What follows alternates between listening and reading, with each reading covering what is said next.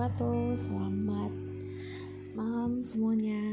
Ya, um, mungkin malam ini saya ingin mengawali um, episode di podcast ya. Jadi sebenarnya saya ingin coba uh, ini dulu apa tuh sharing gitu ya, diskusi mungkin um, yang mungkin akan dimulai dengan hal-hal yang ya ringan saja dulu gitu.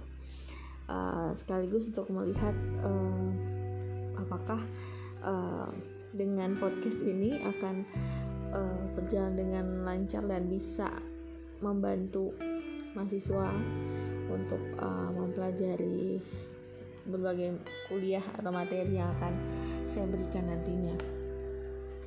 Ya mudah-mudahan bisa membantu ya karena saya juga masih uh, ingin mencoba gitu ya. Kan selama ini um, semenjak pandemi memang akhirnya kita dituntut baik dosen maupun mahasiswanya dituntut untuk dapat mengikuti teknologi-teknologi yang ada menggunakan uh, aplikasi maupun platform yang ada gitu ya untuk memaksimalkan um, proses belajar mengajar.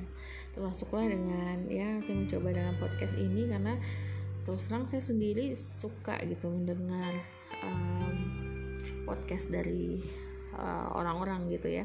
Karena rasanya enak aja sih dengernya itu uh, bisa kapan pun gitu kapan pun kita mau kapan pun kita sempat gitu ya. Karena uh, baik baik itu misalnya lagi siap-siap mau tidur atau misalnya lagi sarapan atau lagi di perjalanan itu kan kita bisa uh, mendengar apa pun gitu ya.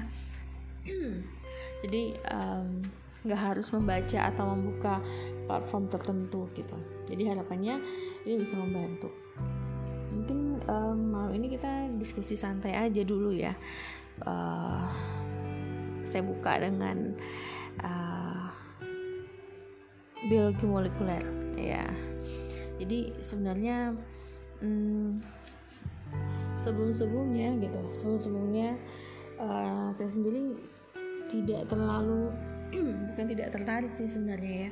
Jadi uh, dulu tidak terpikirkan bahwa saya akan uh, mendalami ilmu ini gitu. Karena waktu kuliah S1 dulu bagi saya ini ilmu yang benar-benar kayak apa sih gitu ya? Kayak nggak nggak bisa dilihat kan nggak bisa dilihat nggak bisa dilihat langsung gitu. Beda dengan ilmu-ilmu yang lain misalnya uh, yang makro misalnya anatomi itu kan jelas. Jadi ketika kita mau pelajari tubuh manusia itu bisa dilihat gitu loh. Bisa dilihat bisa dibayangkan. Jadi akhirnya uh, memahami dan menghafalnya juga sedikit lebih mudah gitu. Kemudian atau misalnya hmm, yang proses deh faal misalnya ya. Saya pikir itu masih bisa diterima gitu di akal dulu ya. Dulu saya mikirnya seperti itu. Karena ketika membayangkan DNA itu seperti apa sih gitu ya? Nggak bisa dilihat.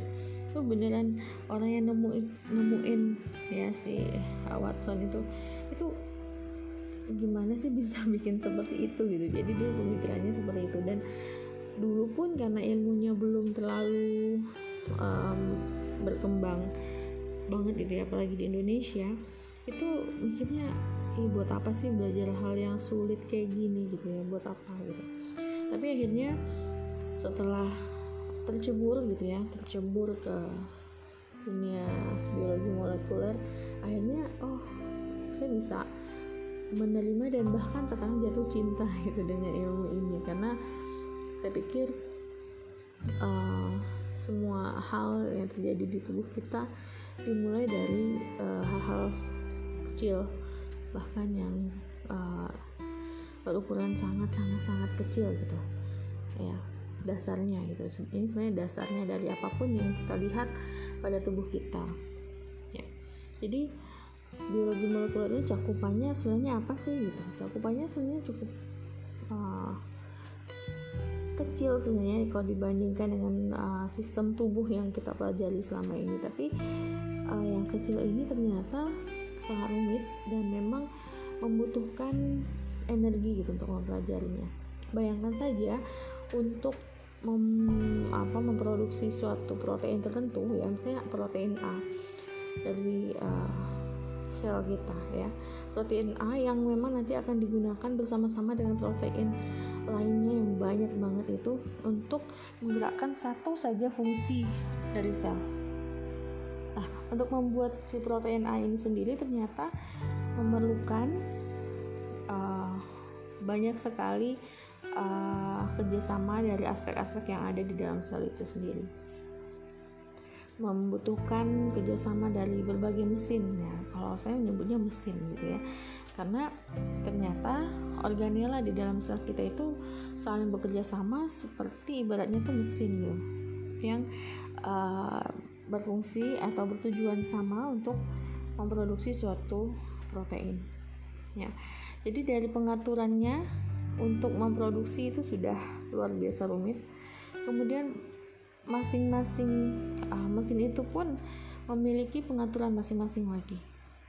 Jadi uh, kalau kita bayangkan tuh kayak kabel yang kusut ya karena masing-masing uh, mesin masing-masing uh, kinerja itu udah ada pengaturannya sendiri lagi. Gitu. Jadi misalnya nih ya ada stimulus dari luar. Stimulus dari luar sel yang mengatakan ayo dong uh, keluarkan protein A. Misal apa ya? Hmm, uh, sel di pankreas deh sel di pankreas misalnya dia memerlukan suatu apa? Hmm, stimulus untuk mengeluarkan insulin. Ya bukan produksi tapi mengeluarkan. Nah untuk mengeluarkan insulin. Itu berbeda uh, cara kerjanya. Untuk produksi juga berbeda. Ya, jadi misalnya ada stimulus untuk memproduksi uh, insulin maka uh, perintah itu akan diteruskan dari membran sel kemudian ke sitoplasma kemudian ke inti sel. Inti sel kemudian nanti akan uh, memerintahkan DNA yang tadinya uh, bergelung sangat apa kompak ya itu harus direlaksasi. Kenapa? Karena uh, ekspresi gen tidak akan terjadi kalau DNA itu sangat kompak gitu. Nah, di situ saja tuh sudah ada banyak pengaturannya. Ada pengaturan epigenetik ya, misalnya ada metilasi DNA, kemudian ada modifikasi histon. Jadi misalnya kapan uh, gen itu bisa dibaca, kapan tidak gitu. Jadi seolah itu adalah on off-nya. Bahkan uh, pada beberapa sel DNA atau sequence gen tertentu itu tidak dapat dibaca sama sekali gitu nah ketika dia sudah bisa dibaca ya kan uh, dibaca kemudian akhirnya harus di copy setelah di copy dia harus uh, melewati fase-fase tertentu lagi agar dia bisa ditranslasi menjadi protein. Nah kalau kita membaca atau uh, membahas itu seolah itu hanya suatu proses yang singkat. Padahal pengaturannya juga sangat banyak. Jadi mulai dari uh, faktor transkripsi ya yang harus melekat pada gen tertentu itu sudah diatur ya kan? Kemudian ada penguatnya ya kan? Kemudian ketika dia sudah menempel uh, bagaimana caranya dia uh, dibaca dan tidak salah? Kemudian ada lagi pengaturan uh, dengan RNA regulator yang menyebabkan protein tertentu itu tidak akan ditranslasi gitu itu luar biasa. Kemudian nanti bagaimana dia akan ditranslasi? Kemudian setelah ditranslasi uh, pengecekannya lagi apakah protein yang dibuat itu sudah benar lipatannya seperti apa bentuk tiga dimensi yang seperti apa itu diatur lagi oleh sel kita. Itu luar biasa gitu. Itu hanya di tingkat molekuler belum lagi di seluruh tubuh kita. Jadi memang kalau belajar tentang tubuh kita itu nggak akan ada habisnya gitu. Jadi uh, saya semakin tertarik gitu tertarik ke bidang ini karena itu karena ya apa ya hal-hal yang kecil seperti itu ternyata berefek sangat-sangat besar gitu. Nah jadi cakupan biologi molekuler ini sebenarnya apa gitu ya? Ini cakupannya memang lebih ke arah hmm, materi genetik ya secara eh, molekuler. Jadi ada DNA ada RNA gitu ya. Jadi uh, di situ. Sampailah ke tingkat kromosom ya. Uh, jadi cakupannya ke situ. Uh, kalau ke protein itu udah beda lagi sebenarnya. Sudah beda lagi. Kalau misalnya seluler itu beda lagi. Tapi uh, biasanya ilmu ini sudah menjadi satu kesatuan cakupan sih ya. Jadi biologi sel dan molekuler itu sekarang uh, berjalan bersamaan. Karena nggak mungkin hanya mempelajari apa DNA atau RNA saja tanpa mengetahui proses selulernya. Jadi misalnya bagaimana proses transport protein kemudian bagaimana proses pelepasan sampai ke apa uh, komunikasi antar sel yang menggunakan. Nanti uh, kita akan belajar mengenai komunikasi antar sel yang uh, bisa menggunakan RNA atau misalnya apa tuh kendaraannya sendiri. Nah itu yang yang masuk dalam cakupannya ilmu molekuler juga gitu. Hmm, ya kan tadi janjinya sebenarnya malam ini dibuka dengan uh, diskusi santai ya. Jadi ya udah sih sampai situ aja dulu uh, pembukanya mudah-mudahan nanti episode selanjutnya akan uh, kita pelan-pelan belajar mengenai dasar-dasar dulu ya kan dasar-dasar dari biologi molekuler uh, mungkin juga akan saya perkenalkan tentang biologi sel.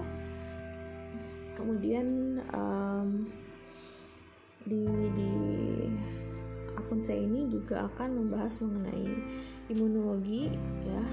Kemudian uh, imunoonkologi. Jadi nanti ada subnya lagi dari imunologi dan terutama akan banyak juga membahas mengenai kanker. Karena uh, fokus saya memang ke arah biologi molekuler kanker. Jadi um, untuk mempelajari itu kita butuh tahap-tahapnya gitu.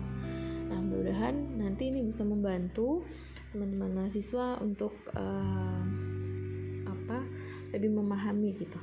Untuk lebih memahami saya juga uh, terbuka untuk kritik dan saran uh, silahkan nanti kita bisa berdiskusi. Baiklah uh, karena sudah hampir tengah malam jadi saya cukupkan. Terima kasih. Semoga bermanfaat. Assalamualaikum warahmatullahi wabarakatuh